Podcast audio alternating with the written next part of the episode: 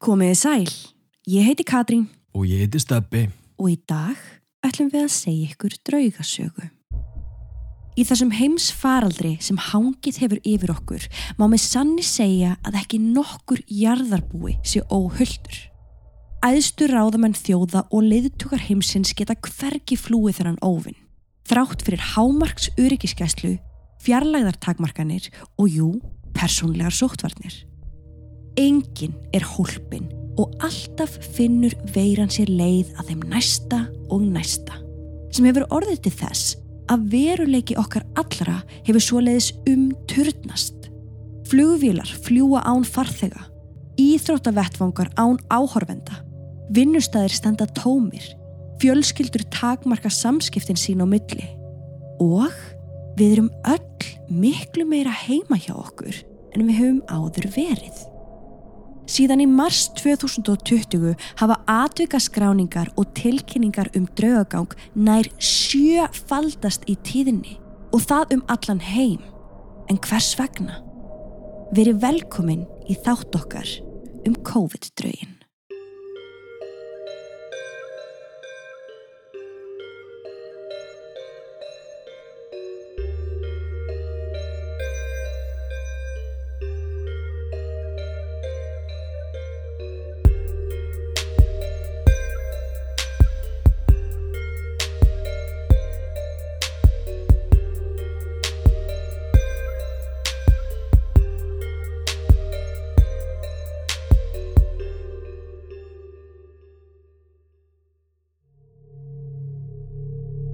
Við viljum minna á að draugasögurnar okkar eru ekki við hæfi barna yngri en 13 ára nema með leifi fullorna. Og með því hefjum við sögu dagsins.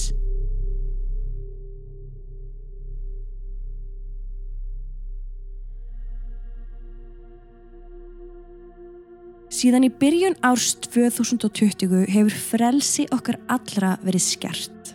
Allir taka höndum saman í þessum heimsfaraldri og reyna að gerast þitt allra besta sem er svolítið það sem við erum að gera akkurat núna með þessari upptöku þar sem við erum bæði með COVID Við erum bæði actually með COVID að taka upp þennan þátt. Já, það er rétt Mhm. og það kannski mögulega heyrist aðeins svona ég veit allavega á röttinni minni að, að ég sé búin að vera að, að glíma við einhverja veiru Já, og ég held samt að fólk fyrirgefa okkur þetta. Ég held alveg. það líka Við höfum öll einangrast frá umheiminum og samskipti okkar á milli hefur minkað allverulega og það hefur, eins og við sögðum í byrjun orðið til þess að við erum miklu meira heima hjá okkur en við höfum áður verið Nú byrjum við að heyra brök og bresti í hústakinu þegar sólinn kemur upp Við heyrum í fugglunum setjast á svalinnar og tökum eftir ymsu sem venjulega gerist þegar við höfum verið í vinnu eða skóla.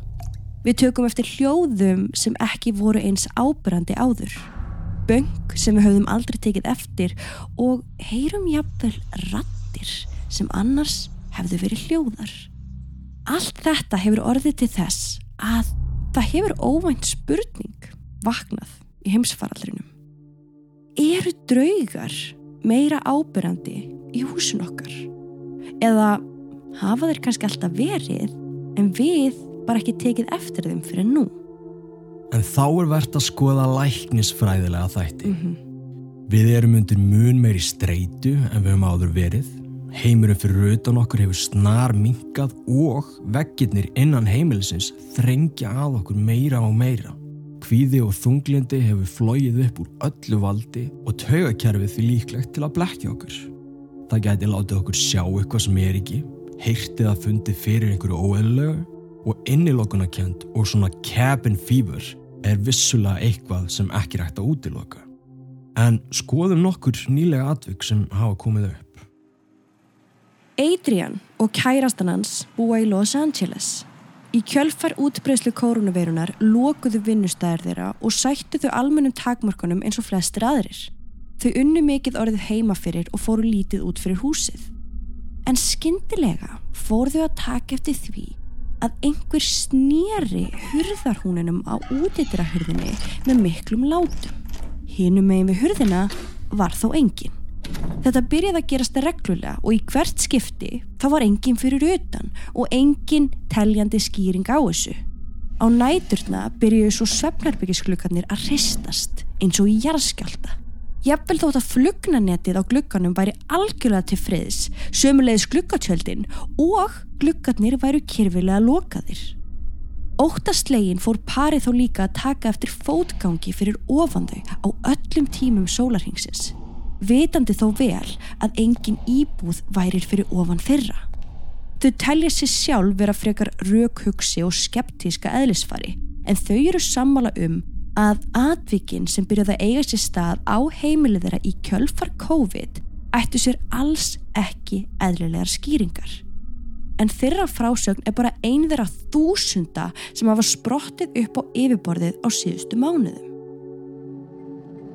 Patrik Hintz og eiginmaður hans ásamt dóttur þeirra ákváðu að fara úr stórborginni í faraldrinum og leia sér íbúð fjarrri fjöldanum. Einan nóttina vaknaði Patrik um þrjúleitið. Hann gekk inn í eldús til þess að fá sér vasklas. En honum til mikillar undrunar setur roskin maður í gömlum hermanafatnaði við eldúsborðið. Hann var með hermanahúfu í stíl og hjælt utanum kaffibotla sem greinilega raukaðins upp úr. Báðir voru þeir í störukjapni við einhvern annan í nokkrar sekundur þó Patrik hafi verið hálf frosinn og stjarfur af undrun. En svo kvarf hermaðurinn beint fyrir framannan. Kaffibotlinn var ennþá á borðinu og enn sást gufa rjúka upp úr honum. Hann kunni eiginlega enga eðlilega útskýringu vera á því sem hann hafði upplifað og taldi því ekkert um atvikið. Þanga til að maðurinn hans upplifði nákvæmlega það sama kvöldið eftir þegar hann heyrði umgang fram í eldúsnum nóttina. Eina eðlilega skýringin var svo að þeir hefðu báðir einfallega komið auga á draug, sennilega frá setni heimstriöldinni.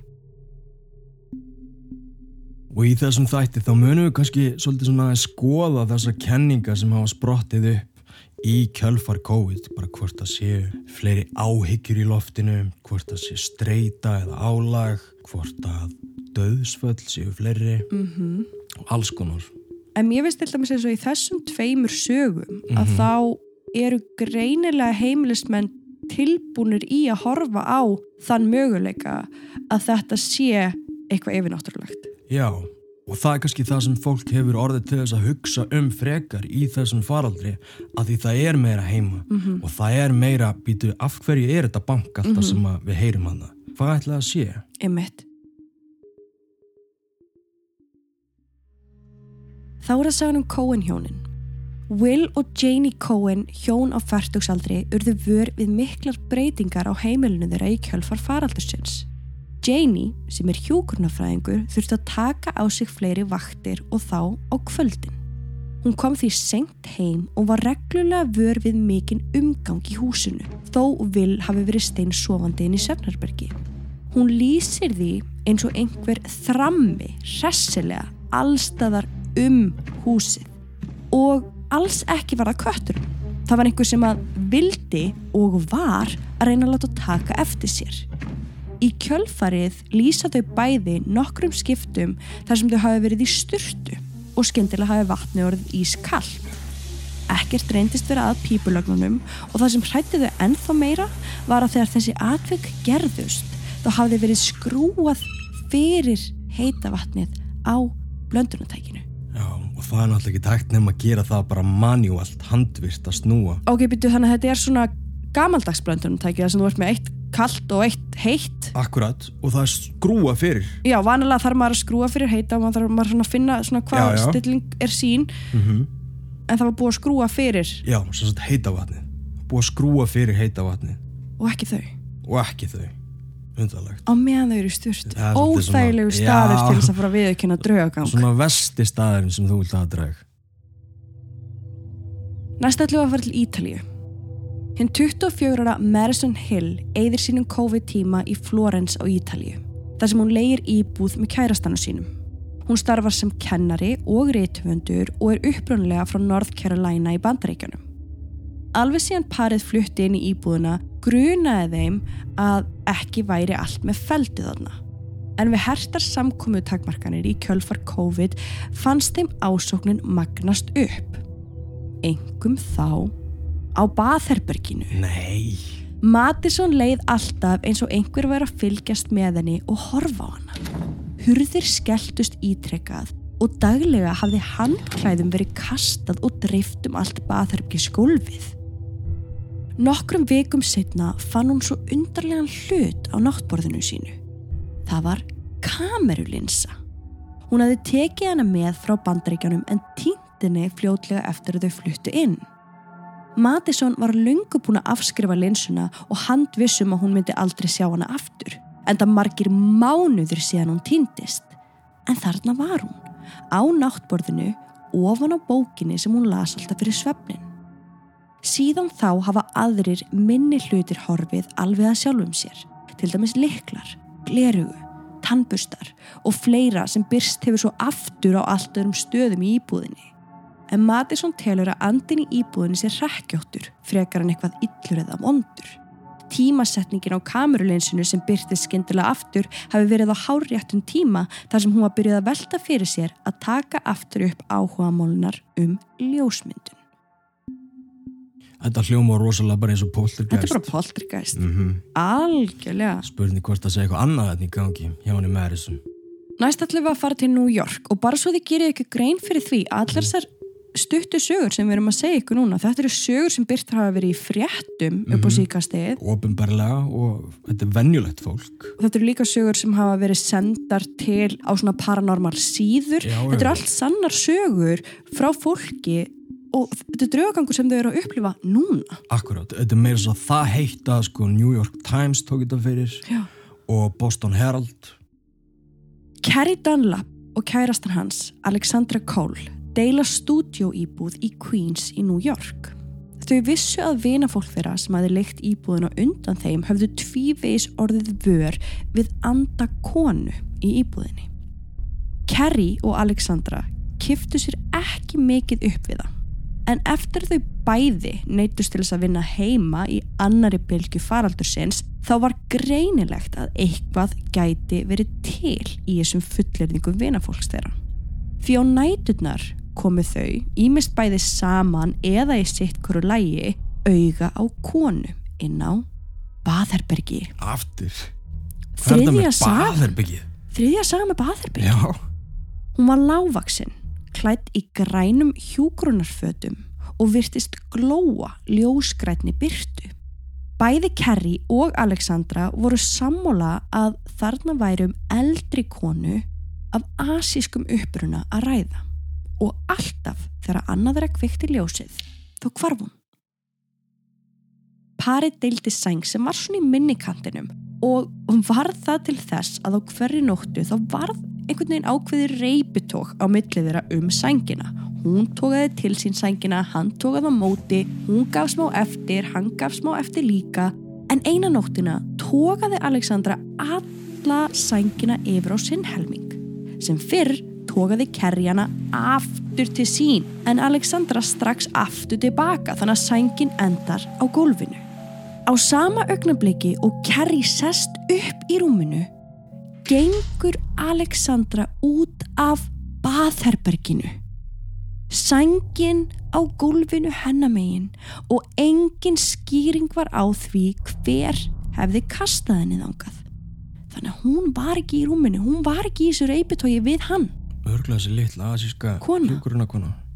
Þau telja að andin í íbúðinni hafi annarkvort viljað að Alexandra fengi öruglega nóg af sænginni eða þá verið að reyna að koma rifrildi á milli þeirra. Mm, já, ég skil. Ef við skoðum aðeins aftur læknisfræðilegu hliðina þá gæti einmannaleiki líka spila hlutverk stórt jafnvel í þessari skyndilegu hækkun tíðinni á þessum yfirnáttúrulegu atbyrðum.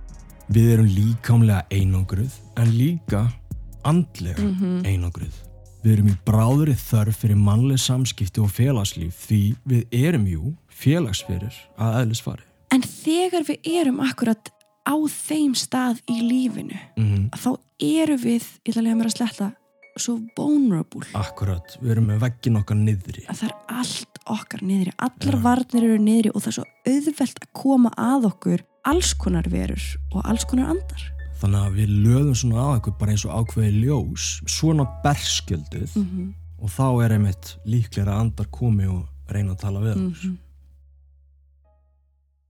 Við erum hér engungu til þess að upplýsa fólk, en ekki rífa upp gömul sár. Við segjum söguna eins og hún er.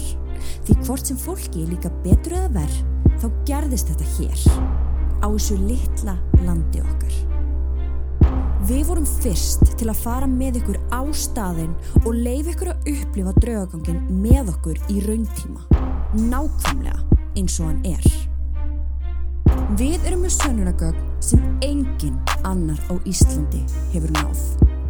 Það er ástæða fyrir því að við erum fremst í flokki þegar að kemur að draugagangi á Íslandi.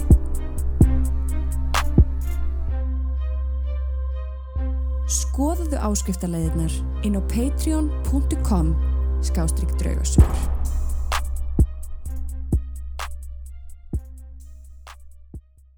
Daniel sem var lögfræðingur, færtuga aldri, var fyrir alvarlegum veikindum í byrjun árs 2021. Hún dvaldi í nokkrar vikur á sjúkrási út af því og þegar hún útskrifaðist var henni sagt að æskilegast væri að einangra sig, halda sig frá sem flestum og einungis fara út eftir nöðsynjum. Því ef hún fengi COVID ofan í þessi veikindi sín myndi þau versna og mögulega lífsættulega. Hún held sér því mikið heima fyrir í þryggja herbergjahúsinu sinu í Richmond. Dótturinnar kom stundum í heimsókn og þá gist hún í gestaherberginu. Annars var rýmið ekkert notað þó hurðina herberginu væri alltaf opinn. En fljótlega fór hún að taka eftir því að ljós kviknaði á lampa á náttborðinu við rúmið. Daniel þurfti alltaf að ganga fram hjá gestaherberginu á leiðsinni á baðherbergið svo hún sá alltaf þegar ljós logaði frá lampanum úr annars stimmu herberginu. Vissulega þótti þetta undarlegt en í hvert sinn slögt hún þó á lampanum. Þar til eitt kvöldi þegar hún sá að enn og aftur var kveikt á lampanum og ætla hún að tegja sig til þess að slökka honum þegar hún heyrir í skjálfandi kvennmannsrött fyrir aftan sig segja Nei, ekki slökva, ekki slökva. Hún leit við en sá engan, fór út og skildi lampan eftir logandi. Síðan þá kemur hún reglulega auga á lampan þar sem ímest hefur verið kveikt eða slökt á honum. Hún skipti sér ekkert af því lengur og leifir hverjum sem býr þarna með henni að slökka og kveiki á svon lampa eftir eigin hendusemi. Daniel hefur líka heyrt í karli og konu tala sín á milli inn í herberginu og stundum rýfast. Fyrir stuttu var hún inn í gestaherbygginu að strauja tvær fjölnota andlitsgrímur. Hún stökk rétt í þessu til þess að ná í vassbrúsa og þegar hún kom aftur þá voru grímurnar hortnar. Hún fór aðeins frá í 20 sekundur en það þurfti ekki meira til. Daniel snýri öllu húsin á kvolf í leit af þeim en grímurnar sá hún aldrei aftur. Þó henni finnist þessi ósynlegu gesturinnar stundum pirrandi þá er hún ekki hrætt á heimilinu sínu og finnst það jafnvel pínu hugulegt að hafa eitthvað með sér og halda sér félagskap. Hún veit að hún er ekki einn. Myrkfælinn draugur, það er ekki oft sem maður heyrið það. Nei. En ein undarleg og algeng aukaverkun vegna COVID er sveflumun, vissið þú það? Nei. En tíðni tilfella um sveflumun eða sleep paralysis hefur stór aukist í kjölfar faraldusins og engum hjá þeim sem hafa staðfest smit af Omikron afbreyðinu. En eins og flestir hlustundur okkar vita þá er sveflumun nátengt draugagangi og ofta tíðum ástæðan fyrir honum til að byrja með. Hættulegst ástand en algjörlega skjálfileg og hræðileg upplifun. Það er náttúrulega mikill kvíði og alls konar spenna í loftinu og það getur líka verið bara spenna í andaheiminum líka. Já. Ákveður bara svona ripple effect sem hefur áhrif á eða allt umhverfið og allt í kringum okkur. Það eru margir sem er að missa ástvinni, ná ekki að kveðja þau og sumur hafi ekki eins og fengið færa á því að fylgja þeim til gráðs. Þetta er náttúrulega bara ótrúlega skríti ástand Mhm. sem við búum við akkurat núna. Já. eins og þú ert að segja þetta Mhm. margir að missa ástfinni, margir komast ekki í jarðaför, margir get ekki verið til staðar hjá fólkinu sinu þegar það deyr. Einmitt. Þetta er bara það er allt í uppnámi allstaðar Já. og ég myndi segja að það sé alveg eðlilegt að það sé líka allt í uppnámi aðna hinum einn. Nefnilega og það er kannski ástafan fyrir þessu öllu saman þessari, þessari aukningu í, Mhm. í þessum faraldri en þegar þessi þáttur er gefin út þá eru 5,5 miljónir einstaklinga sem hafa látið lífið á völdum COVID flestir ástafan þeirra náðum mitt að kveðja og sjúkrahús takmörku aðgang og reglur á göngutöldum Já, mér finnst þetta mjög áhugavert og sérstaklega þarna með sleep paralysis, ég vissi það ekki en ég get allavega sagt að eigin reynslu að þá er maður búin að sofa eins öðruvísi heldur en vanlega og Já, ég vakna tvisar upp mjög förðulega. mm þetta er undalegt sko. Þetta er mjög skrítið. Þá er það sagan um hornhjónin og í öllum erfileikum þá er alltaf einhver von eða Ian Horn hann vil alltaf að meina að svo sé. Þegar hann misti eiginkonu sína Michelle úr COVID voru 2021. Þau voru gift í tíu ár þegar Michelle lést og eins og svo margir sjúklingar á COVID-göngudeldum fekk hún enga gesti og gat því Ian ekki kvart konuna sína. En nokkrum dögum eftir andlátunar og þegar Ian var á leiði vinnuna snemma morguns þá var fátt í hugans annað en eiginkonans. Allt í einu tók hann eftir hvernig heil götu lengja var þau öll fjólublá á litin. Fjólublár var uppáhaldslitur Michelle og var Ian strax hugsað til hennar. Margir myndi ekki hugsa sér að þarna væri um að ræða yfirnáttúrulega skilaboð frá öðrum heimi en Ian var viss um það. Og ef hann finnur það, þá er það alveg öruglega akkurat það sem var að gerast. mm Þessi gödulengja var leið sem Ian fór alltaf í vinnuna og hann var alltaf samferða konunu sinni. Hann hugsaði til hennar og skyndilega breytust alls 12 ljósastörar frá því að vera skærgulir í skærfjólublá. Eftir að hafa haft samband við bæriöföld í Wichita í Kansas fekk Ian þau svör að ljósastörarnir væru gallaðir og að einhvers konar galli hafi orðið á þessari ákveðnu gödulengju sem orsakaði það að ljósin urðu svona fjólublá. En bærin ætlaði að gera við ljósaþuruna við fyrsta tækifæri. Ian hins vegar ætlar ekkert að reyka neitt á eftir þeim. Ljósin væru í hans huga konan hans að kveðja og væri að fylgjónum í vinnuna dag eftir dag.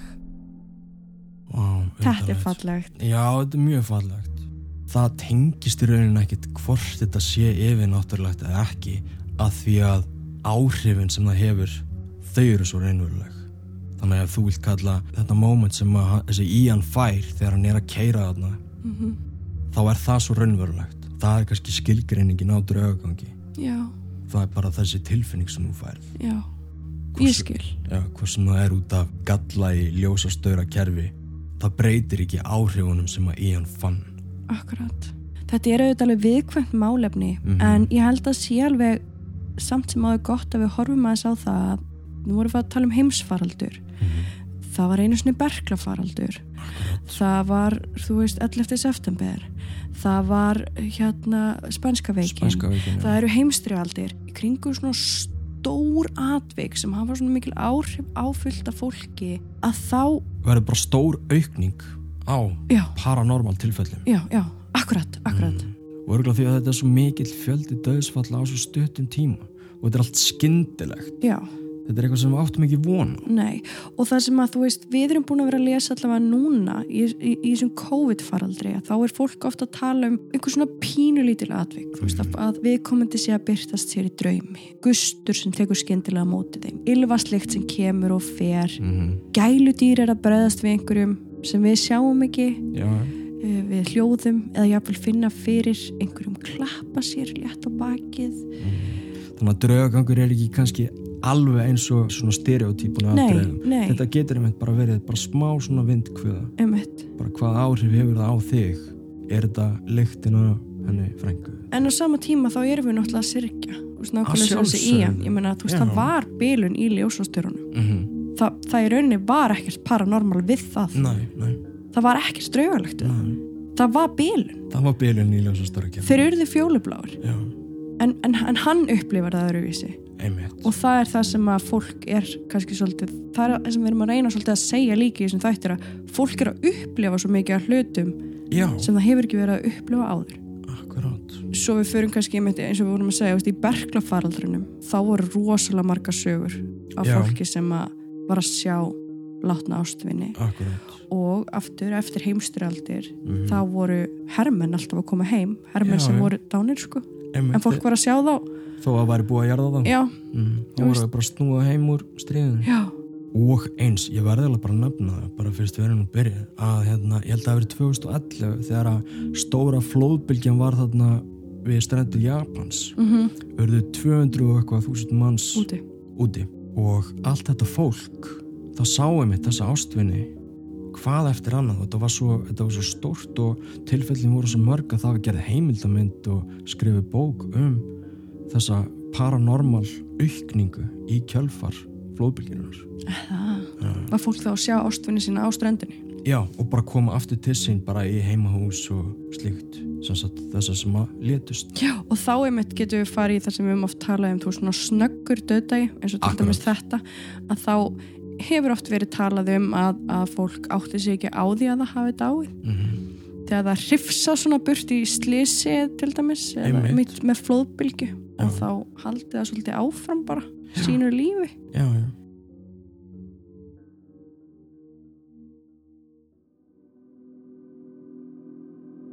En jólinn 2020 eða sjö mánuðum eftir að Charles Jackson, lögreglumæður, misti frængu sín úr COVID, var hann að skreita jóletríð í stofunu sinni með fjölskyldinni. Hann hafði fengið jólaskrauti sem frængans átti og vildi engungu nota það þessi jólinn til að heiðra minningu hennar. Hann setti kassan hliðin á tríinu og fór inn í eldús til að sækja hníf til að opna kassan. En þegar hann kom aftur fram þá stóð frængans við jólatríið og var að hengja skrautið á það. Hann varð stjarfur og kom ekki upp einu einasta orði og brast í grát. Hann fór hann í eldús til að segja konunu sinni og börnum að koma en þegar þau komu aftur fram var frængans horfin. Það merkilega var samt að kassin var jú opinn og það var búið að hengja upp tvö jólaskraut á tríið. Gæsa hún! Já Og þá er það seinasta sagan okkur í dag. mm. Mary Pinna, búsett í Manitoba í Kanada, misti aldraða móður sína úr COVID í november síðastliðin. Morgunin áður hún fekk fréttinnar um andlátunar tegð hún sí inniskó undir rúminu sínu. Þegar hún reisti sig aftur við þá satt móðurinnar hliðin á henni. Marie segir að móður hennar hafi verið svona 20 árum yngri og lagði hún ískalda hönd sína á öxl dóttur sinnar. Hún sagði að það væri eins og hún hafi verið nýkomin inn úr frosti. Höndin var svo köld. Allan tíman sem hún sat þarna hliðan á Mary þá horði móðurinnar bara beint áfram og var alveg sveiflus. Um 2-3 mínútum setna var hún horfin og ekki leið og löngu þar til hún fekk símtal frá spítalunum sem tilkynnti henni að móðurinnar hafi dáið um morgunin. En hún hafði einhvern veginn vitað það. Móðurinnar var búin að koma til hennar og hvaðja. Einstöku sinnum finnum mér í yfirgnæfandi lykt af hásbreyji og sterku ylvatni, einkennandi lykt móður sinnar. Aðrir fjölskyldumeðlumir hafa líka tekið eftir lyktinni og þá oftast í eldúsnu þar sem hún varði mest tíma sínum.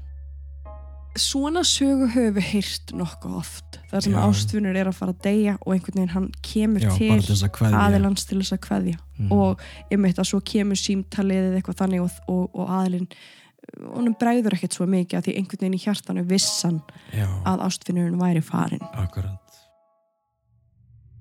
Það eru breyttir tímar og veruleikin orðin allt annar en við áttum kannski von á. Andar sem dvelja venjulega í felum, í dimmum hornum, fá nú að svífa um án þess að verða í vegi þeirra lifandi. Kannski fá þeir orku með öllum þeim áhyggjum og ótta frá hverju og ein okkar. Eða kannski er bara meiri þögn núna og við heyrum allt í hennu miklu betur í þeim sem eiga heima í myrkrinu.